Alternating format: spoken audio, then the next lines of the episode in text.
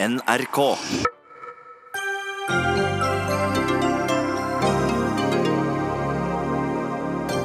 Nå har vi sett bildene av gråtende og hulkende barn i bur i Texas noen dager. Og vi har hørt president Trump og demokratene legge skylda på hverandre. I kveld prøver vi å rydde i hva som er fakta, og hva som er vrøvl i debatten. Alle er opptatt av at vi må gjøre noe med at guttene gjør det dårligere på skolen enn jenter. Så hva gjør Utdanningsdirektoratet?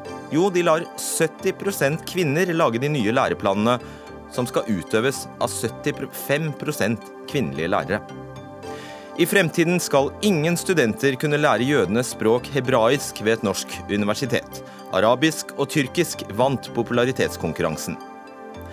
Høyt utdannede nordmenn er minst skeptiske til muslimer, men hvis de blir spurt om de kan tenke seg et muslimsk svigerbarn, da får pipa en annen låt. Da sier nær halvparten nei takk.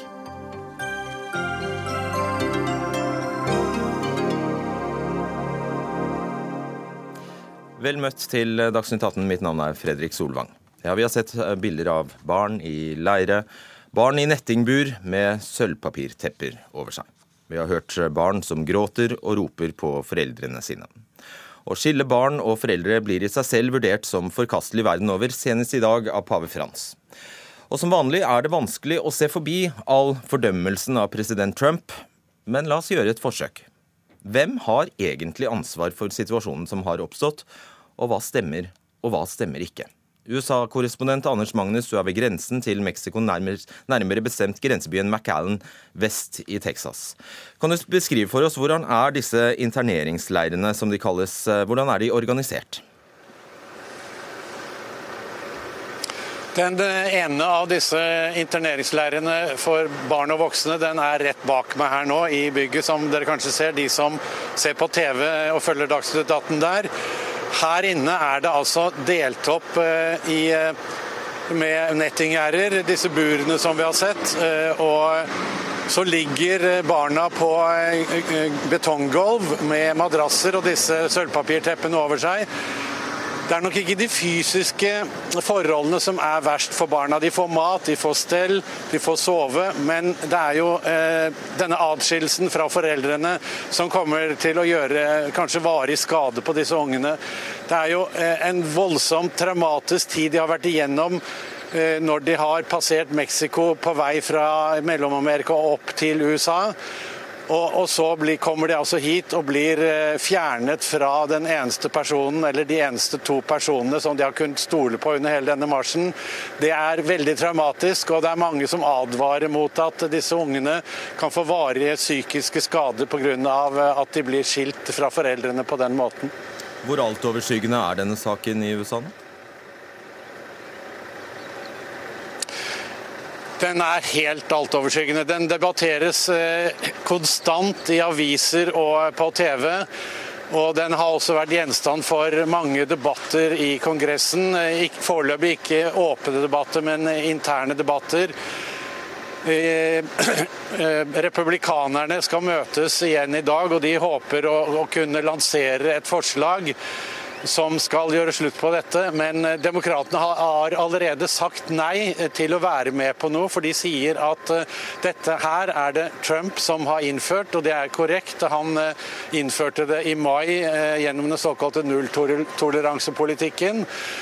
Og han har makt til å endre det. Det ser nå ut til at Departementet for hjemlandets sikkerhet er i ferd med å utarbeide et forslag som kan gjøre slutt på dette ved et såkalt presidentdekret.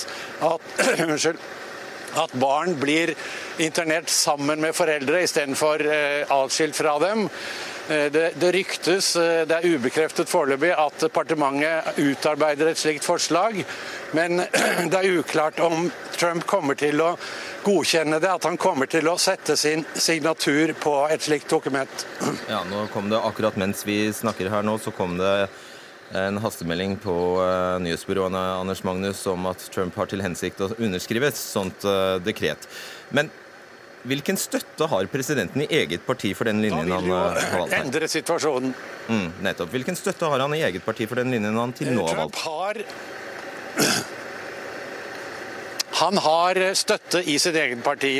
Blant kjernevelgerne så er det et flertall som støtter han. Riktignok et lite flertall, skal vi tro meningsmålingene. Eh, noen og 50 Eh, mens resten av befolkningen støtter ham ikke. Det er to tredjedeler av de spurte i flere meningsmålinger som har sagt at de ikke støtter denne politikken med adskillelse. Og eh, det er jo eh, også eh, Blant kirkeledere så er det sterk fordømmelse, unntatt blant en del evangelisk kristne kirkeledere. De har jo vært de ivrigste til å støtte Trump, og de støtter ham fortsatt nå. Ikke helhjertet, men de tar ikke avstand fra denne politikken som Trump selv har sagt at er nødvendig for å hindre innvandringen fra Mellom-Amerika og Mexico. Men det er klart at eh, når han skylder på det tidligere lovverket og demokratene, så eh, stemmer ikke det.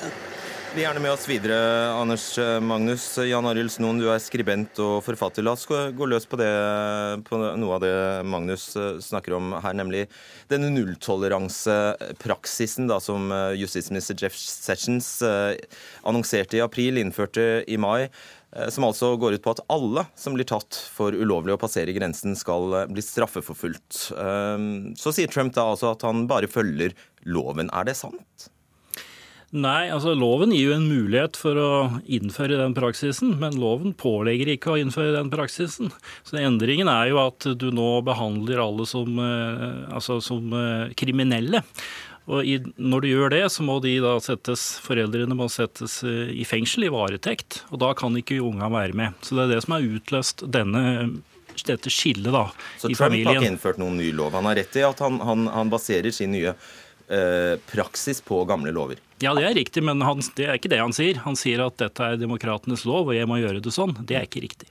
En av de, eh, en av de lovene han snakker om, den handler om en eh, ganske generell lov om at en utlending som forsøker å ta seg ulovlig inn i USA, eh, skal bøtelegges hvis dette ved førstegangsfortellelse skal bøtelegges med fengsel inntil seks måneder.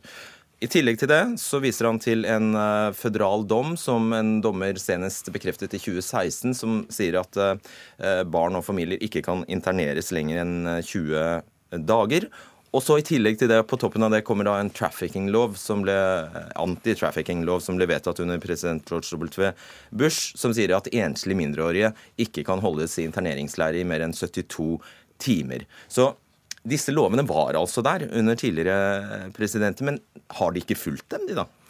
Det har vært sånn at uh, altså Obama-administrasjonen vurderte om de skulle gjøre dette, men som de sa, vi vurderte i fem minutter, og så fant vi ut at det går ikke an å skille familiene på den måten. Uh, men det er jo sånn at, at, de som kommer i familie, de har bedre beskyttelse enn de som kommer altså bare voksne. Og derfor så er det antageligvis en del som spekulerer i dette. Vi ser en økende andel som kommer i familie. Og Det er derfor eh, Trump vil ha en strengere politikk eh, og har innført dette. Men det kunne være andre måter å gjøre det på. Det er det vi antageligvis vil få se nå, eh, hvis, hvis, Department of Homeland Security følger opp det som ble sagt. Og dette Department of Homeland Security bidrar også med tall som virker ganske urovekkende. 50 000 migranter, sier de, har blitt anholdt på grensen for tredje måneden på rad. Fra mai til i i fjor til mai i år har antallet familier som forsøkte å krysse grensen ulovlig, økt med 435% lyder det derfra. Antallet enslige mindreårige barn i samme periode har økt med 329 eh, altså da, man kan jo dette, disse tallene høres jo alarmerende nok i seg selv. Hva er da demokratenes hovedgrep for å stanse denne strømmen? For det første så må jeg si at 2017-tallene er de som er uvanlige. Eh, vi er nå tilbake på der vi var i 2016. I 2017 gikk dette kraftig ned. Antageligvis fordi eh, folk var litt altså, nølende til hva som skulle skje under Trump. Og så har det kommet opp på skal vi si, normalt nivå igjen. Men, men det er jo mange. og det er klart Når det er en økning, så er det naturlig at du får en reaksjon. Eh, innstramning, det vet vi fra norsk politikk også. Eh, demokratene er ikke de som går i, i forkant her, eh, fordi de er mer liberale i innvandringspolitikken. Men det som vanligvis skjer når, det, når, du får en stor oppblomstring, er jo at du får mer politi, du får flere som håndhever dette, du får flere som behandler sakene, du får flere saksbehandlere. Dette kjenner vi fra Norge. Eh, så for å få folk igjennom, for de aller fleste av disse blir jo sendt ut, deportert. Det ble skjedd under Obama, det skjer nå. Så det er om å gjøre å få, altså, få kontroll og få folk ut igjen for å gjøre det klart at det er liten sjanse for at det kommer inn. Mm. Anders Magnus, ifølge ministeren for dette Homeland Security, Kirsten Nilsen, sier så så, så, gjelder dette for de familiene som ankommer ulovlige grensestasjoner i, nei, lovlige grensestasjoner i uh, USA og søker asyl. Og hvis de kan dokumentere slektskap med barna, ja, da blir de ikke skilt, sier, sier hun. Kan man ikke forstå da at dersom man aksepterer ulovlig innvandring, så vil den bare øke i omfang? Så, kan man ikke forstå det? Jo, det, det er jo argumentasjonen her.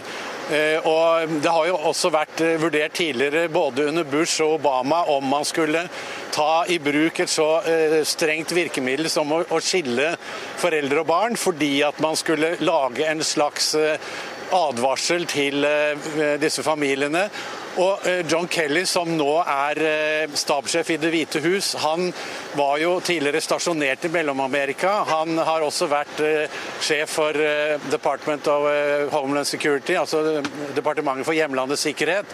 Og han syntes at dette var en god idé, fordi man på den måten kanskje kunne få ned antallet som drar fra Mellom-Amerika gjennom Mexico til USA. Disse familiene, og særlig mødre med barn, er veldig sårbare. De blir ofte utsatt for attentater, de blir robbet, kvinnene blir voldtatt.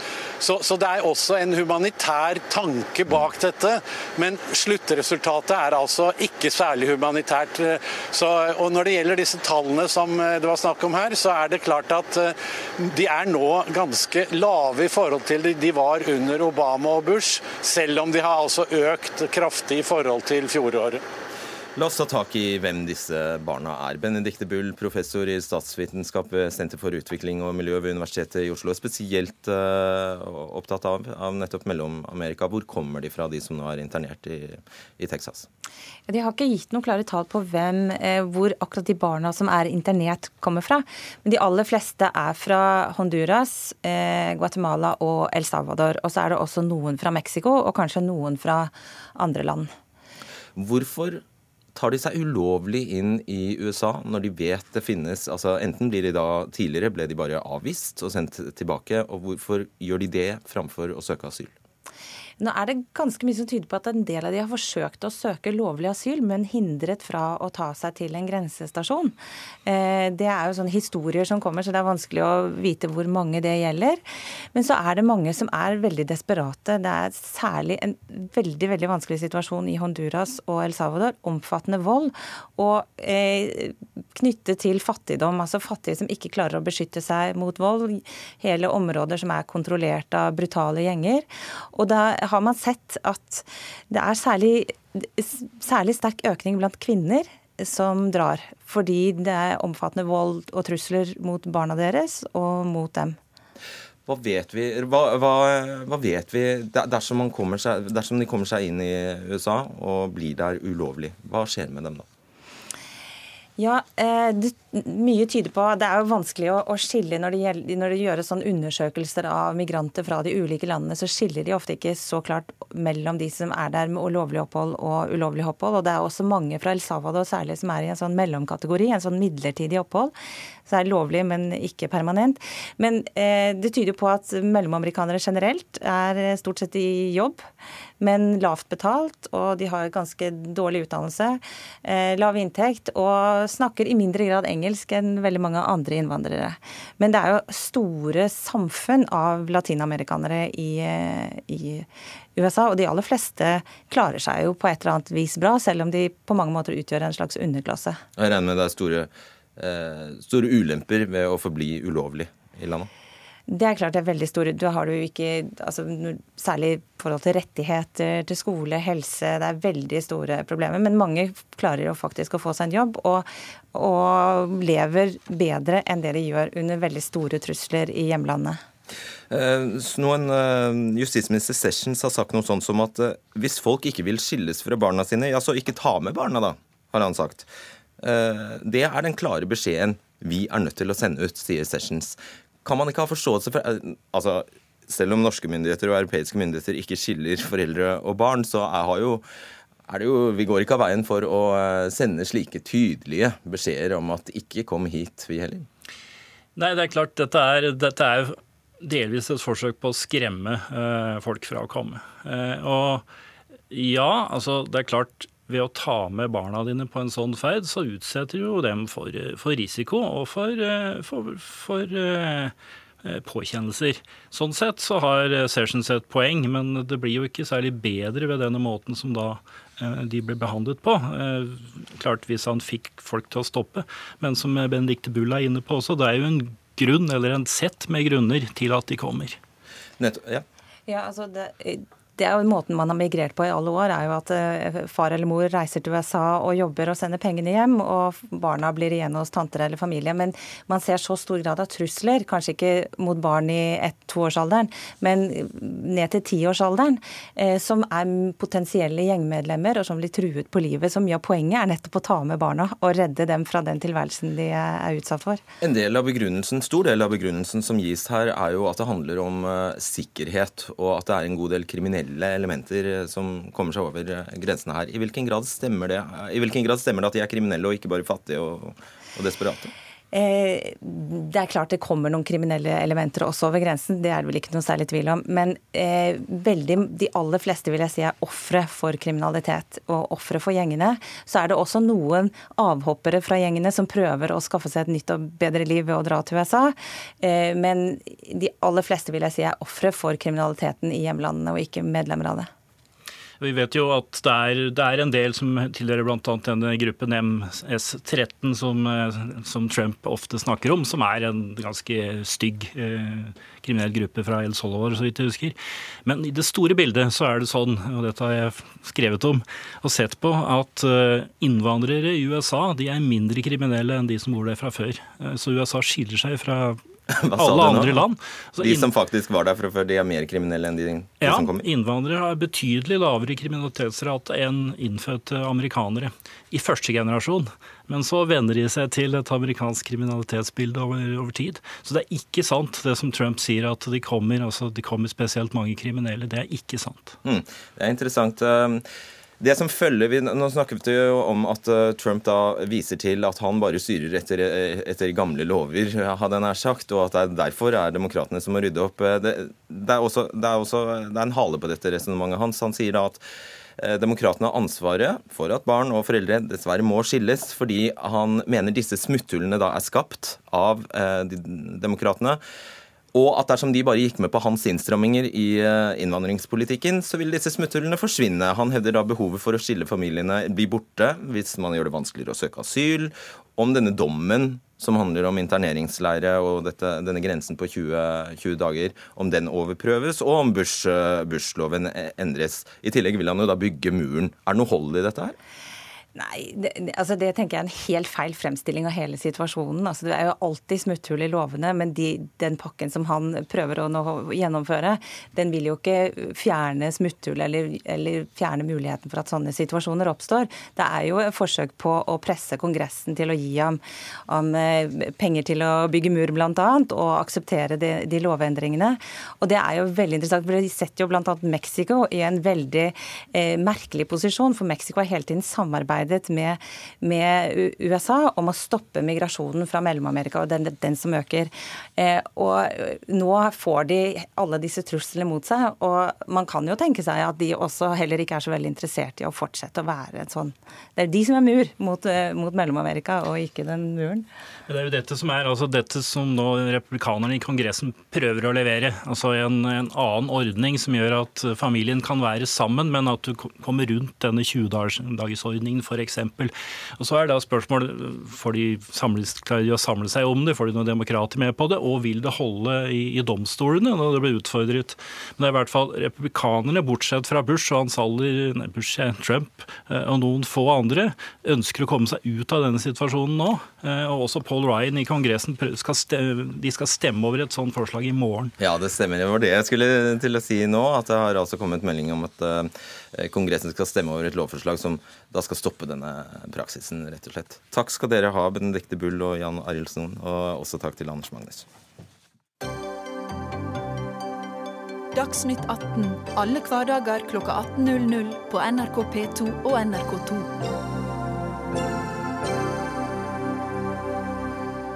Det snakkes jo endeløst om at gutter blir skoletapere. De får dårligere karakterer og dropper ut av skolen. Det er endatil nedsatt et offentlig ekspertutvalg som skal ledes av Camilla Stoltenberg, som skal finne årsakene til at guttene er overrepresentert på de fleste negative statistikker innen skolen. Så hva gjør Utdanningsdirektoratet da, når eh, det skal lages nye læreplaner? Jo, de lar 70% kvinner bestemme hvordan fagene på skolen skal se ut, og i klasserommene er det 75 kvinner, kvinnelige lærere. Sissel Skillinghaug, divisjonsdirektør i Utdanningsdirektoratet. Hvordan har du funnet disse menneskene? Ja, altså La meg først si at det, vi ser at den kjønnsbalansen ikke er som vi skulle ønske at den var i eh, disse læreplangruppene. Eh, men de er satt sammen ut fra forslag som eh, vi har fått, bl.a. fra partene i sektoren, fra andre interessenter. Eh, og så har vi en rekke kriterier vi skal ta hensyn til når vi setter sammen eh, disse gruppene. Nevn noen, da. Eh, de, altså gruppene er typisk fire til seks mennesker. Det skal være en viss variasjon i kjønn og geografi. Det skal være representanter for både barnetrinn, ungdomstrinn, videregående. De skal ha skolefaglig kompetanse i de fagene de sitter i gruppene for. Vi skal ha universitet- og høyskolesektoren inn. Eh, de skal ha eh, kunnskap i å formidle faget, de skal ha kunnskap i vurdering i faget. Eh, og de skal også ha tilstrekkelig kompetanse til å ivareta samiske perspektiver i, i læreplanene. Du verden. Og da, du sier dette er ikke så en sammensetning dere ønsker, sier du. Sånt skjer da ikke på slump? Jeg kan si også at de forslagene som vi fikk, da, så utgjør jo kvinner også over 70% av de forslagene ja, kvinner foreslår kvinner, men da er det, får. Ja. Eh, og som du sier, så er jo 75% av lærerne i grunnskolen også kvinner. Så det er sånn sett er det kanskje en refleksjon da, av, av, hvordan sektoren ser ut. Eh, men når det er sagt, så sier vi jo at når vi får den type debatter som vi får nå, så er nok det et tegn på at vi, vi kunne kanskje vært enda mer frampå for å være ha en enda bedre kjønnsbalanse da, i disse gruppene. Dere kunne ha tenkt på det? Det virker ikke som dere har tenkt på det. Vi har tenkt på det, og vi har jo forsøkt å overtale en mann her og der.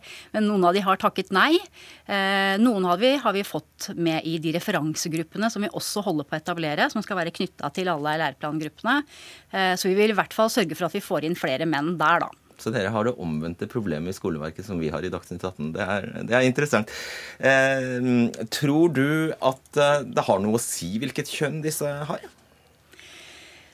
Nå pekte du jo selv på at det er satt ned et ekspertutvalg. og Noe av bakgrunnen for det er jo nettopp en erkjennelse av at det er veldig krevende å forklare de kjønnsforskjellene som vi ser i skolen. Eh, det er dessuten ikke et entydig bilde. De varierer jo. Eh, så hvor mye dette som enkelttiltak Det er nesten et ja eller nei-spørsmål? Ja, nei, jeg, det, det tør jeg ikke si, egentlig, hvor mye det har å si. Men det er klart at det hadde helt sikkert ikke vært negativt om det var flere menn med. Nei. Eh, nå er det sånn at eh, jenter slår gutta i alle fag, bortsett fra gym. Og fremmedspråk er et av fagene der forskjellene er aller størst. Der er samtlige gruppemedlemmer kvinner.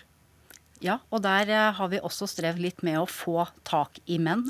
Der vet jeg at det jobbes med å få inn menn i referansegruppa. At i hvert fall noen har takket ja til å være med i den referansegruppa. Men, men dette er nesten ikke til å tro. I hele Skole-Norge finnes det virkelig ikke en eneste mann av én, to, tre, fire, fem, seks. En gruppe på seks. Finnes det virkelig ikke en eneste mann som oppfyller noen av de kriteriene du listet opp? På fremmedspråk? Som sagt så har jeg Jeg kjenner ikke til alle vurderinger som er gjort inn i enkeltgrupper. Men det er et sett kriterier som ligger til grunn for den sammensetningen. Eh, vi har forsøkt å balansere inn menn i alle grupper. Vi burde vært mye flinkere til å se at vi totalt sett hadde en bedre balanse. Mm. skal så kan jeg nevne for syns at vi har jo et par grupper som også har overvekt av menn, da. Ja, det skal, du, det skal du ha. Eh, selv om totalen da er 71% kvinner i alle disse gruppene. I utvalget Grunnleggende norsk for språklige minoriteter sitter det to norske etniske Man formoder de er etnisk norske kvinner. Vet de Eh, hvilke utfordringer i skolen eh, en med innvandrerbakgrunn har? Jeg kjenner ikke til nøyaktig hvilken kompetanse som hvert av disse medlemmene har. Eh, så jeg kan ikke sitte og svare for hvert enkelt av medlemmene, enkelt av gruppene. Um, Altså dette, Man må jo anta at disse, dette er uh, i utgangspunktet personer som har et stort og bankende hjerte for norsk uh, skole. Blir det ikke da et problem at uh, kanskje de ikke ser at den skolen de har vært med på å bygge selv, skaper så store strukturelle problemer som at gutter over, la, over hele linja faller ut? Nå er jo dette oppdraget ganske stort, og det er mange hensyn vi skal ivareta. Eh, og sånn, det grunnleggende er jo at det å lage en god skole for alle innebærer jo også en god skole for gutta, eh, får vi tro. Men la oss si at noe av problemet Stoltenberg-utvalget finner, er at skolen i for stor grad er feminisert. Det er ikke utenkelig at det kan være sånn. Så har dere altså la, i hvilken grad har dere da tenkt til å sørge for å justere det når dere setter sammen disse nye læreplanene? Hva som skjer etter Stoltenberg-utvalget, det blir politiske spørsmål. Så det kan ikke jeg svare for nå. Det jeg kan si noe om, er hva vi har vektlagt når vi har satt sammen disse gruppene. Vi har forsøkt å ivareta et stort sett av kriterier. Eh, vi ser at kjønnsbalansen kunne vært bedre. Vi forsøker å ivareta det bedre i eh, referansegruppene. Når du sier at vi har problemer med å rekruttere menn De mennene vil ikke sitte i disse gruppene. Hva er det uttrykk for, tror du? Det blir igjen spekulasjoner, ja, det, da. Nå ber jeg egentlig spekulere. Eh, ja. Eh, nei, jeg vet at det da har vært, eh, vært altså I forberedelsene til dagen i dag så var det noen av de gruppene som ikke har noen menn, hvor vi spurte mer sånn hva har dere faktisk gjort? Og da er det jo forsøkt å gå litt aktivt på noen av de mennene som er foreslått, og som har på en måte de rette kompetansene. Men der er det noen som også har takket nei. Så har vi noen av de som har sagt ja til å være med i referansegruppene. Og årsakene til at de vil det, altså det blir jo veldig personlige årsaker. Dette er ekstraverv på toppen av eh, fulltidsjobber. Eh, dette er etterspurte mennesker, det er travle mennesker. Det kan være en del sånne Er det ikke et tankekors? Jo, det er et tankekors at vi ikke har en bedre kjønnsbalanse i skolen generelt, vil, vil jeg se. At de ikke engang vil være med? Jo, det er det. Mm. Eh, kommer de til å gjøre noe med sammensetningen av disse gruppene nå, eller er de sementert? Gruppene, eh, Læreplangruppene er ferdige. Det vi ikke er ferdig med, er referansegruppene. Altså de som skal på en måte gi innspill og kommentere på en rekke ting knytta til de ulike læreplanene. Og der kommer vi til å være litt mer aktive enn vi har klart nå, da. Eh, med å få til flere menn inn i de gruppene. Bra. Lykke til med det. Takk, takk. Skal, du, takk skal du ha, um, Sissel Skilling her.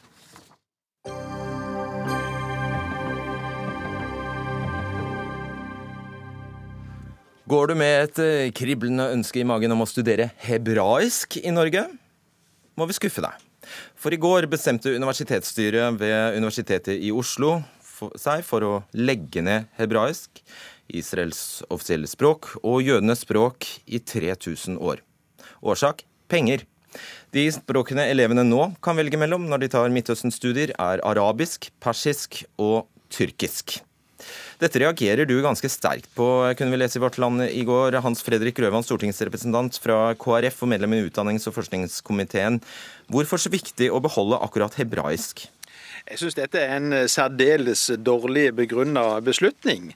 Her fratar en studenter et viktig redskap for å kunne studere og få tilgang til viktig kildemateriale i forskning og arbeid med Midtøsten som tema. Hva er begrunnelsen som er gitt, da?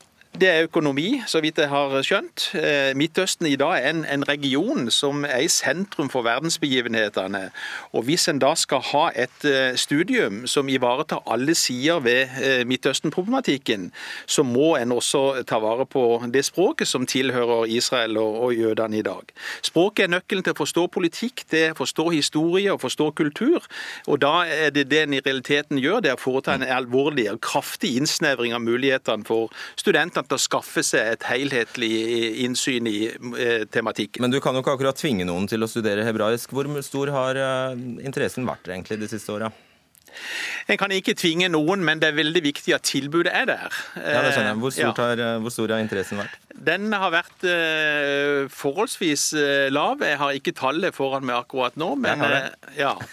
På 14 år har det vært 46 studenter som har tatt hebraiske studier, og bare sju som har valgt dette språket med en bachelor- eller mastergrad i Asia- og Midtøsten-studier. Sju personer på 14 år. Jo, men så er det også noen som eh, tar det som et enkeltfag, og ikke som en, eh, nødvendigvis en del av en bachelor- eller en masterstudium. Og Det handler litt om å ta et helhetlig perspektiv på en tematikk som også angår i høyeste grad Israel og, og, og jødene. Og Det å frata de den muligheten, det er en alvorlig innsnevring av studiet som jeg stiller store spørsmålstegn ved. Ved et universitet som Oslo, som har en nasjonal oppgave, så bør en også tilgodese de små studiene, og ikke minst i dette tilfellet for å ivareta en helhet. Bjørn Olav Utvik, instituttleder for eh, kulturstudier og orientalske språk ved Universitetet i Oslo. Lektor i hebraisk gjennom 40 år på universitetet, Espen Arnesen, mener faktisk eh, hebraisk har blitt bevisst snakket ned fra instituttets side. Er det en lettelse for deg at det endelig forsvinner? Nei, overhodet ikke. Jeg skulle gjerne sett at vi kunne ha hatt eh, undervist i, flere språk, som vi også har, uh, har måttet, måttet, nedlegge over tid. Men utgangspunktet her er at vi, eh, universitetet er underlagt et, en finansieringsmodell som så vidt jeg skjønner er bredt politisk forankra, vel også inkludert Kristelig Folkeparti. Som gjør at det viktigste som, vi kan, altså, som sikrer vår finansiering, er resultater. Og ikke minst resultater på studiesida. Det er hvor mange eksamener som blir tatt, og hvor mange bachelor- og mastergrader som blir avlagt. Eh, det må vi eh, over, over tid må vi se bruker vi ressursene våre riktig i forhold til fag som gir da resultater. og, og eh, så for deg handler dette overhodet ikke han, det her, han kommer jo egentlig med en antydning om at det ligger politikk bak. Da. For deg handler det, avviser du det, og du sier det handler bare om penger. Ja, det handler, det handler om penger, om, om, om, vår ressursbruk i forhold til å kunne gi eh, også kvalitets, eh, kvalitetstilbud. Mm. Kort til Grøvan? Nei, altså jeg synes eh, Økonomi kan, skal selvfølgelig brukes i mange sammenhenger, men her må en også se eh, den oppgaven en har som landets største universitet. Hvis en har et tema som Midtøsten på dagsorden, eh, som de har og har hatt og skal fortsatt ha, så må en også sikre et helhetlig perspektiv. Og det Her kan det ikke være de helt store pengene for et universitet som, som, Oslo. Så Dette handler om å legge til rette for at en student skal kunne også møte møte den delen av Midtøsten. og det synes jeg, eh, Derfor blir økonomi her en, et, en dårlig begrunnelse sett ifra mitt ståsted, så lenge dette er tematikk som skal fortsatt eh, ha fokus og muligheten til å bli studert ved UiO. Ja, men Det finnes veldig mange viktige, viktige tematikker vi, vi burde ta opp. Vi må forsøke å gi et best mulig tilbud ut fra de ressursene vi har. Og når vi skal sikre de ressursene på lang sikt, så må vi bruke ressursene inn mot studier som som da gir, eh, som gir Der flere avleggergrader, det er flere eh, avlegger og da er det vi har et antall språk som du benevnt på, innenfor Midtøsten. har vi Arabisk, persisk, tyrkisk, eh, hebraisk. Og hebraisk er Uansett hvordan du måler dette, så, så er hebraisk det som har hatt svakest resultatet. Det er også den jo, jo, men jeg, jeg må bare føye til det. altså Dette handler ikke om eh, økonomi så lenge du har Midtøsten som tema. Altså Jeg vil jo si det sånn at eh, Hvis du skal studere Midtøsten, så er det umulig å ikke ha muligheten til å lære seg arabisk. På samme måte så burde det være i forhold til hebraisk. Det handler om et eh, tematikk og en region som er veldig konfliktfylt. Her har vi flere sider av denne saken, og da må en også sikre at studentene får innsyn og muligheten ja. til å studere språk språket som minoritetene tilhører. Det gjør en ikke med denne beslutningen. Da skal vi slippe til en uh, tredjeperson her. Ja, uh, fordi da, vi har med oss deg, Karen Mørkved. Du er tidligere student i Midtøsten-studier med hebraisk. En av de få faktisk som valgte det som språk da du tok graden din. Hva, hva syns du om at det nå er slutt for hebraisk? Eh, jeg syns jo det er veldig synd, og jeg tenderer til å være veldig enig med Grøvan. Eh, at uh, altså, økonomi litt til side et øyeblikk. Så, uh, Israel, Palestina, alle mener noe om det, men få kan egentlig noe særlig om det. Og jeg syns universiteter har et spesielt ansvar for at vi får fram så mange perspektiver som mulig. Og uh, Man snakker ofte om to sider, personlig mener jeg det er flere, men og, en måte, hvis du skal si to, da, så tar man jo bort den ene i kanskje det temaet som engasjerer aller mest i befolkningen i Midtøsten-regionen. Du, Var du fornøyd med studiet? Jeg var fornøyd med hebraisk studie. Eh, og her, eh, Til den utenforstående er det kanskje litt rart, men det er delt opp på en sånn måte at en del er språkopplæring, hebraisk, og en del er områdekunnskap, Midtøsten-kunnskap. Og det var mange flinke folk, for all del. Men eh, jeg syns at det var veldig svakt på områdekunnskapen blant de foreleserne jeg hadde, når det kom til alt som hadde med Israel å gjøre. De kan mye om konflikten, men de kan veldig lite om Israel. Den går vel egentlig rett til deg, eh, Utvik. Eh, hva sier du til det? Jo, jeg tror det men, det, men det illustrerer samtidig noe av det som er poenget her. Jeg tror Når det gjelder å tilby hebra, moderne hebraisk og Israel-studier, så har vi jo og, i, en, i, en, periode på 10-15 år eh, søkt å gi dette tilbudet. for vi, gjerne, vi hadde hatt en mulighet til å gi et tilbud, men vi har strekt ressursene for å få det til. Og Det betyr også at det har ikke, eh, som det hun sier illustrerer, det har ikke vært et fullverdig tilbud for den som primært ønsker seg Israel-studier. Det har vi ikke hatt eh, eh kompetanse og ressurser. Det har vært et dårlig studie? Nei, det har ikke vært et dårlig studie. Men det, men det er klart at når eh, Men det har, det har ikke vært eh, ideelt hvis man ville Man har kunnet lære seg hebraisk, det tror jeg har vært bra, som hun også bekrefter. Og så har man hatt et tilbud i generelle Midtøsten-studier som vi har kompetanse til. og der er Israel også, også, et tema, men det er klart det er begrensa. Derfor eh, sier det noe om hvordan vi forsøker å nå konsentrere ressursene og gi et mer solid tilbud på de vi går videre med. Uh, Mørkved, altså hvis, hvis, det ikke var uh, tilfredsstillende eller hvis det var mangelfullt, dette studiet, da er det vel og det er bare en, til, en viss mengde, mengde ressurser til, til, rådighet her, da er det vel like greit å legge det ned, og så kan de som er veldig interesserte, kan studere i Sverige eller Danmark? Ja, jeg tror jo at noe av det altså Ting henger sammen. Hvis du ser på hvor mange det er som er ansatt på IK, så husker jeg ikke i farta hvor mange det er, men det er ganske mange. Eh, jeg vet ikke hvor mange det er som kan arabisk. Det er selvfølgelig bra at mange kan arabisk, men hvor mange er det som kan hebraisk? Det er nesten ingen. Og hvis du ser på hvem er det som har Israel som en del av, eh, av interessefeltet sitt på en måte som emneknagg på, på seg, det er to stykker, og begge to studerer øh, palestinske perspektiver. Det er ikke noe galt med det, men man struper jo tilgangen. Man gjør jo hebraisk studie mindre attraktivt ved å ikke tilby områdestudie i tillegg. Det hadde ikke trengt å være så innmari mye. Utvik. Ja, Nei, men så, som jeg sier, det er, øh, vi, vi har på en måte strekt oss for å gi dette Eh, tilbudet, men det er ikke, vi har ikke kapasitet til å tilby eh, Israel-studier. Og det er liksom urdu, som er jo et, et burde være kjempeviktig i Norge, fordi vi har mange av pakistansk bakgrunn her, og Pakistan er et viktig land for Norge, ble nedlagt for en del år siden, fordi det hadde liksom da enda svakere resultater enn en hebraisk. Vi kan ikke rekke overalt, vi må prøve å konsentrere oss og gjøre noen, gjøre noen fag eh, veldig grundig. Men jeg, jeg, kommer tilbake til både i forhold til Grøvang og, og, og dette siste, at, at vi har et finansier... Kan, jeg, kan ikke, jeg, som instituttler kan ikke se bort fra økonomi. Jeg kan ikke legge den til side. Jeg må prøve å få et best mulig fagtilbud som samtidig sikrer inntekter som gjør at vi kan planlegge på lang sikt. Uh, Hans Fredrik eh, Grøvan, uh, ut fra de språkene som har blitt tilbudt, altså arabisk, persisk, tyrkisk og hebraisk, er jo hebraisk definitivt det språket som uh, snakkes av færrest mennesker. Da, da blir jo, det jo sånn, da. Men uh, det er jo nettopp det som er poenget her. Altså, Det er færrest mennesker som snakker det. Samtidig så er jo den uh, minoriteten som står på den ene sida i, i, denne konflikten, mens de tre andre språkene som nevnes her, er veldig viktige språk som selvfølgelig bør være en del av et Midtøsten-studium. Men da fratar du studentene en mulighet til å kunne studere moderne arkiver, det som skjer i dag i Israel eh, på en adekvat måte. Og Dette er jo ikke bare å legge ned et studium, men dette handler også om å bygge ned kompetanse. Så Det som nå blir kritisert, er kalt et mangelfullt studium, det blir jo enda mer mangelfullt eh, og mangler et helhetlig perspektiv. Kjempekort utvik, kan det gjenoppstå?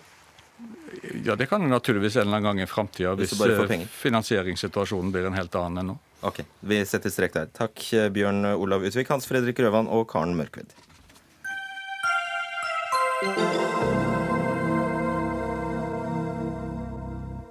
Oslo har blitt kåret til Europas miljøhovedstad for 2019. Dette er en utmerkelse som gis av EU-kommisjonen til byer som har forpliktet seg til å bedre sin urbane miljøpolitikk. Og I den forbindelse vil byrådet bruke 118 millioner kroner for å markere. Raymond Johansen, byrådsleder i Oslo for Arbeiderpartiet. I juryens begrunnelse for denne utmerkelsen står det bl.a.: Juryen setter pris på Oslos forsøk på å forbinde eh, politikere og borgere, bl.a. ved hjelp av teknologi og bruk av innovative metoder som SMS-invitasjoner til politikermøter. Eh, det, vi husker jo den historien der. Har du, har du fått regningen for den SMS-utsendelsen ennå?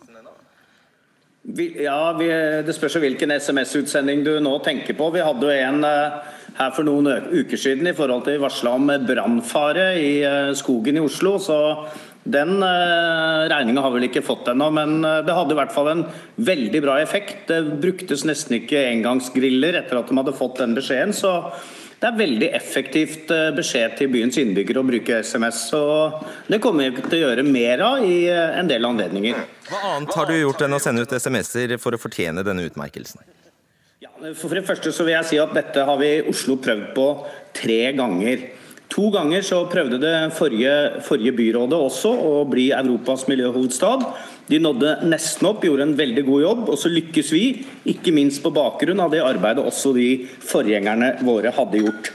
Og En del av det vi nå skal gjøre gjennom det året 2019, det er jo å ha to-tre arrangementer spredt over et helt år. Vi skal skape engasjement, vi skal bidra til å Eh, få varige holdningsendringer. Vi skal, inn, vi skal ja, men, Jeg, jeg, jeg spørsmålet, fordi jeg tror vi trenger å skjønne hvorfor Oslo ble valgt. Fordi at EU-kommisjonen eh, e i hard konkurranse med andre, så var det tolv kriterier eh, som vi skulle være best på, og vi var best på i ti av de kategoriene. Og eh, det var eh, veldig mange av de tingene du har vært inne på. Vi er innovative, vi har et bra kollektivsystem, vi har planer for mobilitet. Eh, vi har på, på energiforsyning er det veldig, veldig bra. På sirkulærøkonomi, på resirkulering, på alle de tingene som vi måtte score på for å få det.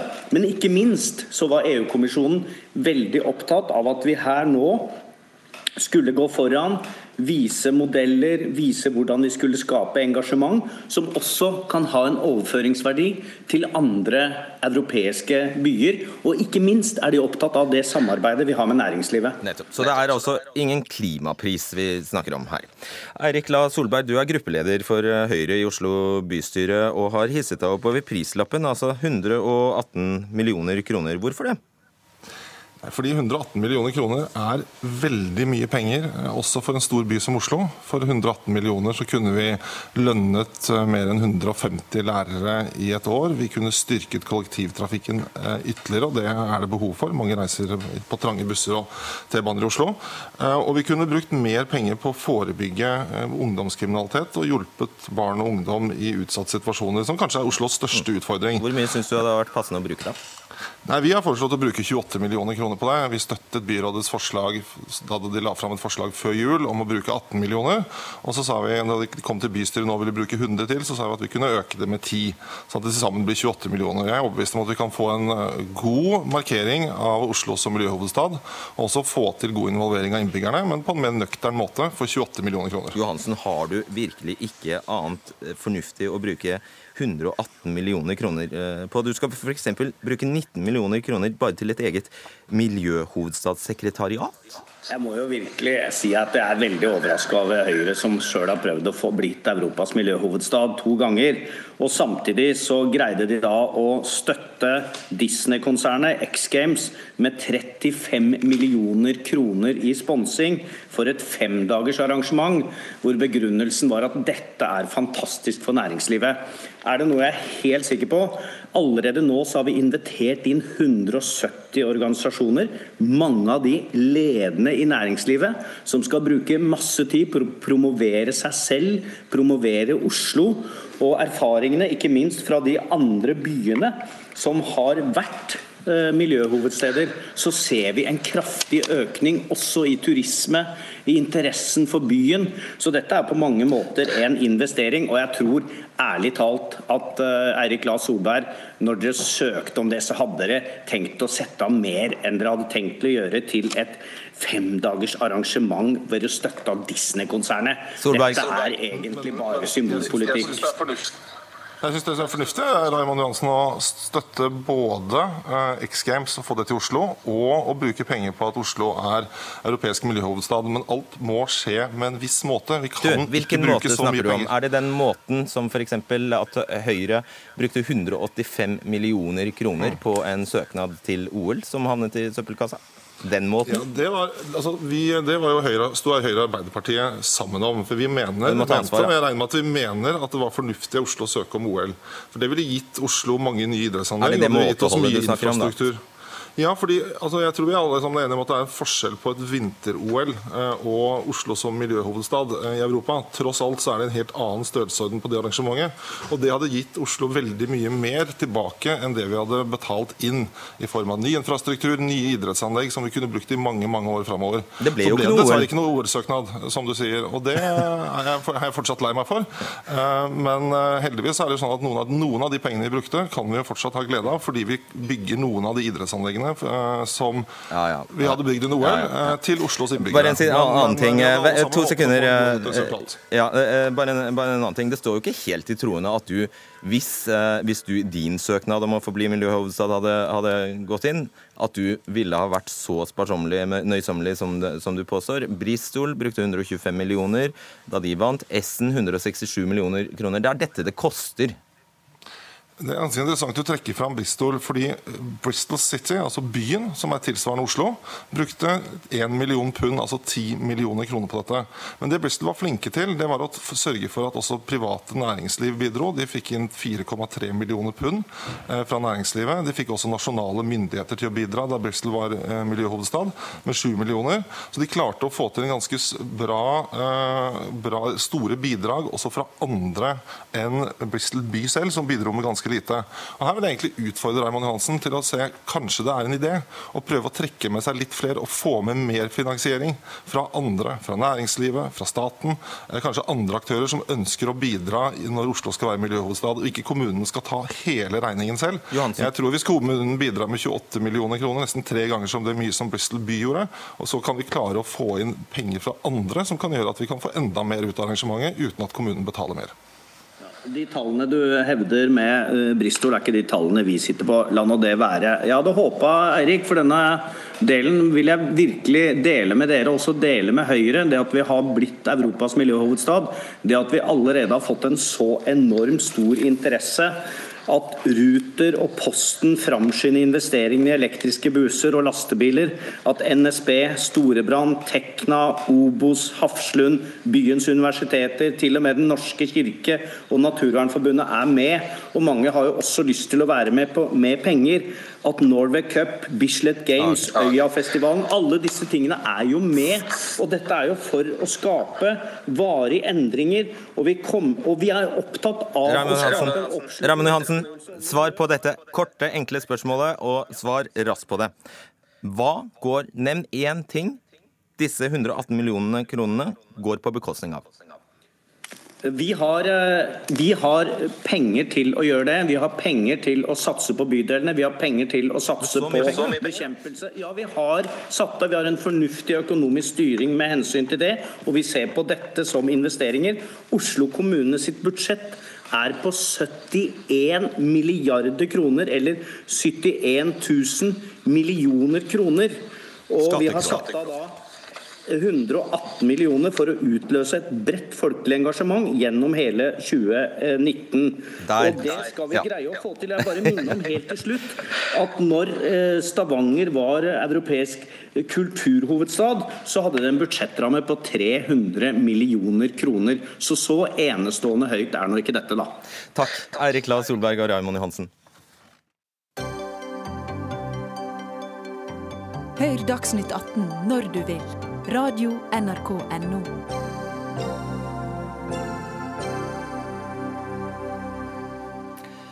Folk i Norge er vesentlig mer skeptiske til muslimer enn til kristne, viser integreringsbarometeret som ble lagt fram i dag. Annenhver nordmann svarer at de er skeptisk til personer med muslimsk tro. Det er Institutt for samfunnsforskning som har utført denne kartleggingen på vegne av Integrerings- og mangfoldsdirektoratet. Og forsker der, Jan Perl Brekke, har vi blitt mer eller mindre skeptiske til muslimer de siste åra? Altså Denne skepsisen som vi har målt, den er ganske jevn over tid. Så det har vi sett de siste ja, ti årene omtrent, at det har vært uh, veldig jevnt. Så det er en, en skepsis som er uh, ganske moderat, vil jeg si. Dvs. Si at de som er skeptiske, er litt skeptiske, og de som er positive, er litt positive. Så det liksom topper seg i midten, mens det er få som er ekstremt skeptiske eller veldig, veldig positive. Ja, Men det er likevel står her at det er halvparten av oss som er skeptiske ja. til muslimer. Ja, så befolkningen er delt. Ja, det er, det er, relativt mange, og det er ganske stabilt. Og målt av andre eh, i andre undersøkelser, sånn som fra Holocaust-senteret også, så finner man at det er den gruppen her eh, får altså eh, Det er den holdningen som de er omgitt med. Samtidig ser man andre ting rundt dem. Man ser også at, det er, ja, at folk er opptatt av diskriminering og den type ting som liksom teller i den andre retningen, som har liksom en, en, ganske bred forståelse av, av, hvordan dette feltet ser ut. Men dette gjenspeiler befolkningens syn på det. Ja. Hva, vet vi hvorfor de svarer sånn? Vi, hva er det de misliker med muslimer? Er det hijaben, er det maten, er det ramadan, er det terror, er det omskjæring? Hva er det? Ja, nei, Det er jo mange forhold. Vi, vi måler f.eks. holdningene til nikab, hijab, den type ting. Og der, det, og der, er det, stor forskjell. Folk er eh, enige på tvers av partier og overalt. Og alle grupper er eh, mot nikab, mens hijab er det mye mer nyansert. Og, og, og de yngste gruppene er til og med positive til bruk av, hijab eh, på gaten f.eks. eller i vanlig i sammenheng. Så, det, eh, så, hva de er negative til, det er jo det er et større spørsmål. Konseptet muslim? Nei, altså er det, Hva er det de tenker på når man spør det spørsmålet? Det er en veldig sammensatt gruppe, åpenbart. Det er mange forskjellige land, forskjellig historikk. Er det, er det, er det folk, bosniere som kom på 90-tallet, eller hvem er det? Så, det er, så det er nok eh, det, det, gjenstår liksom å grave i det og forstå det bedre. Men vi bare, det her er liksom det første punktet, å se på dette. Og så er det, tenker vi det er viktig å bare stille disse tøffe spørsmålene og få det ut. Og så kunne gå videre med det, på en måte. Ja. Lena Larsen, leder for uh, Oslo-koalisjonen for tros- og livssynsfrihet. Uh, for, de, for, dem av uh, våre lyttere da, som ikke kan se deg nå, så har du på deg et skaut. Du er altså selv muslim. Hva tenker du da om at annenhver nordmann er skeptisk til deg når de ser deg på gata? Um, ja, det er jo ikke så veldig behagelig. Det er langt mer behagelig å være et sted hvor, um, hvor hijab ikke blir lagt merke til. Uh, selvfølgelig. Uh, men det er jo ikke akkurat det det handler om nå. Det det handler om, er uh, at dette kommer til uttrykk, og at man bør bore dypere i årsaker til det. og, så har man kanskje ikke målt Eh, det er jo ofte sånn at de som har mer med muslimer å gjøre, de er mer positivt innstilt. Og de som bor langt unna en muslim, de er veldig ofte Det kan du bekrefte, ikke sant? Ja, det, det, stemmer. Så kontakt har noe å si, alder har noe å si, ja, eldre, mer enn yngre osv. Ja, eh, så, så, det har absolutt noe å si. Altså, da tenker jeg at uh, hvor ofte Altså hvor møtes man? Uh, hvordan uh, kommuniserer man sammen? Det, det er, har selvfølgelig noe å si. Men, Men, når det gjelder, la meg da snakke om nikab versus hijab, ja. så, så tenker tenker man så, man så, kan det være lett å gå i skyttergravene. Den ene sier nei, vi skal ikke ha nikab og fremme dette som en politisk sak og fremmer et lovforslag som gjelder fem stykker. Eh, jeg bare tenk på et tall. Det er veldig få, i hvert fall. Og så har du de andre og sier nei, det er vår rett. ikke sant? Så man, man kan gå i hver sine skyttergraver. Men det man ikke tenker på, er jo at det, det er ikke fordi folk er ondskapsfulle, kanskje fordi man er, eh, fordi man er eh, mot nikab. Det er kanskje at det, dette ligger i allmennkulturen. Det er bare bankranere og, og, og, noen som har eh, onde hensikter, som dekker til ansiktet. Nei, det, nei, hvem som helst. En bankraner trenger ikke være fremmed, kan være en nordmann, men dekker ansiktet. Det har noe med at å dekke ansiktet er knytt Altså gir konnotasjoner til noe som er negativt. Nettopp. Og derfor er det man tar Så det er ikke direkte mot, eh, mot islam og muslimer. Ok, La meg spørre deg, Dana Esel Manusheri, generalsekretær i eh, LIM. Eh, hva mener du er årsaken til denne skepsisen? Utbredte Man må kunne kalle den det, siden det er 50, 50 utbredte skepsisen her. Jeg tenker det er litt sånn For å være litt sånn positiv, da. Så tenker jeg det er jo liksom åssen du ser glasset. 50% er skeptiske, men 50% er jo ikke skeptiske. Så da kan vi være litt positive. Men jeg tenker det er det generelle bildet. Altså at en ser på muslimer som en homogen gruppe. Veldig mange kobler det direkte mot terror. Det er mange ting som på en måte Eh, er i disfavør av muslimer, da, eh, som kanskje ikke har direkte tilknytning med islam å gjøre. Som gjør at man blir skeptisk. Det er ting som er fremmed. Eh, man, mangel på kunnskap, kanskje. Man kjenner ikke til muslimer, som det ble sagt. Eh, og det gjør jo selvfølgelig at eh, en trekker seg tilbake og tenker at nei, dette er jeg litt skeptisk til. Hva sogner du til de som eh, mener at muslimene har et omdømmeproblem som de dessverre bare må løse selv, eller de som sier at her er det storsamfunnet som egentlig må ta seg i akt og, og kvitte seg med en god del fordommer, f.eks.? For jeg tenker at Vi kan godt peke skylda på hverandre, men jeg tenker det er et samfunnsansvar. Vi har alle et ansvar om å, om å ha et samfunn som er harmonisk og fungerer. Eh, og så kommer vi ikke utenom at eh, er det en skepsis, er det ting som er negativt, så rammer det oss alle, både muslimer og ikke-muslimer. Ehm, så jeg, jeg, vil liksom ikke si at det er noens ansvar, men jeg mener vi har alle et ansvar. Eh, Larsen, du er tidligere leder av Islamsk råd. Hva kan organisasjonene gjøre? Organisasjonene jobber jo så godt de kan. Eh, og altså De islamske organisasjonene det går på etikk, det går på moral, det går på samfunnsansvar. Og, eh, og man ønsker å, å, at de skal bli gode samfunnsborgere. Eh, altså barn og unge når de vokser opp. Og mye, mye arbeid blir gjort for barn og unge i trossamfunnene. Men det som jo er eh, en utfordring, er at når du blir møtt med negativ holdning i samfunnet, eh, så blir det da eh, vanskelig å forholde seg til dette fordi at du blir sett på som muslim. Eh, først og fremst. Du er ikke først og fremst et individ eh, fra et land, fra en klasse, med en viss, med en viss utdanningsbakgrunn. Du blir puttet i sekken muslim. Eh, og det virker stigmatiserende. Mm. Og man snakker om integrering. Denne, denne ja, Kan vi ta ja. den, bare fordi okay. det ser du rister på hodet? Ja. Nei, jeg er ikke enig. For jeg mener jeg blir, jeg blir møtt med å være innvandrer. Så kan jeg tolke det som noe negativt, eller så kan jeg tolke det som noe positivt. Og det tenker jeg det er jo litt den sin sinnstilstand du er i sjøl. Eh, så der kan jeg på en måte si at muslimer kan godt senke skuldrene litt. Det er ikke alle som er som er, altså, syns dette er fremmed og er negative. Det kan jo være de er nysgjerrige og ønsker liksom å komme nærmere. Det er ikke nødvendigvis negativt. Men det er mange muslimer som har senkede skuldre. Det er jo ikke ja. det det handler om. Men man blir daglig bombardert med, med ting, og det, det, kan jo være en utfordring i og for seg. Jeg vil ta opp et ja. veldig interessant uh, funn her, og det er at uh, høyt utdannede som har en mastergrad definert slik, de oppgir at de er lite De er de minst skeptiske skeptiske til muslimer. Så får de et mer konkret spørsmål, og det er hvordan de vil stille seg til å få en muslimsk sviger, eh, et muslimsk svigerbarn. Og da plutselig, da får pipa en annen låt. Mm. Da blir de faktisk Det vil de ikke ha. Nei, Vi tenker at det er et interessant funn, fordi at utdanning er en sånn variabel som går gjennom alle spørsmål når det gjelder innvandring og integrering. Og det å høyt utdannede er generelt mer positivt innstilt. Men da bare i teorien, nesten? da? Ja, så Når det da kommer tettere på kroppen, så er, dette, så er dette et godt spørsmål til det, hvis det virkelig angår dem selv. Altså Hvis du, hvis du har et allment syn, en, liksom en, en, abstrakt forståelse av hva dette spørsmålet er, så, det, så har de én innstilling. Men hvis du får det tett inn i familien, inn i huset, på en måte, så, så, så er det litt annerledes. Så det, det, var et overraskende funn for oss. Og derfor viktig liksom å stille de samme spørsmålene og grave litt i det og stille litt fra litt forskjellige vinkler og, og med litt forskjellig distanse til egen opplevd hverdag. Da. Er det din erfaring at en del er uarbeidige, kan jeg kanskje si at de er, de er skinntolerante? Jeg tenker at uh, skepsisen er jo klart for, uh, På det generelle grunnlag så aksepterer du noen ting for samfunnet. Men det er klart hvis din datter f.eks. da skal gifte seg med en person som har kanskje en holdning som ikke er forenlig med de holdningene du har hatt sjøl, eller den, det synet du har hatt sjøl, så hadde jo jeg òg steila. Og jeg hadde òg fraråda min datter å gifte seg med en person som hadde hatt et syn som hadde helt, vært helt annerledes enn mitt. Og Der er det et annet uh, interessant funn. Over halvparten sier at islamske verdier er ikke forenlig med grunnleggende norske verdier. Da, det kan jo ikke, hvordan skal det ende bra? Ja, jeg syns dette er veldig interessant. fordi hva er det man mener når man snakker hva er islamske verdier, og hva er kristne verdier, og hva er norske verdier? Det er jo ingen som definerer det, og som har en klar tanke om hva dette handler om.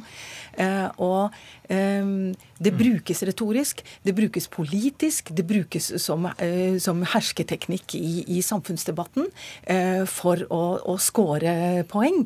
Men eh, hvis man hadde gått litt dypere i materien, og det har jeg gjort faktisk i min forskning, så har jeg fant jeg ut at de, jo, de grunnleggende verdiene er nøyaktig de samme, men tolkningen av verdiene er, er forskjellig, og det er det vi bør snakke om. Det, hva, hva, er det som er grunnleggende? Jo, det er retten til liv, det er barn, det er familie. Mm. Hvordan tar vi oss av de eldre, og når og det, slutter livet? Ja, og det tar vi neste gang, dere. Tusen takk skal dere ha. For Dagsnytt 18 er rett og slett eh, over for i dag. Dag Dørum, var, Dag Dørum heter han, var ansvarlig for sendingen. Teknisk ansvarlig Lisbeth Selreite, og jeg heter Fredrik Solvang.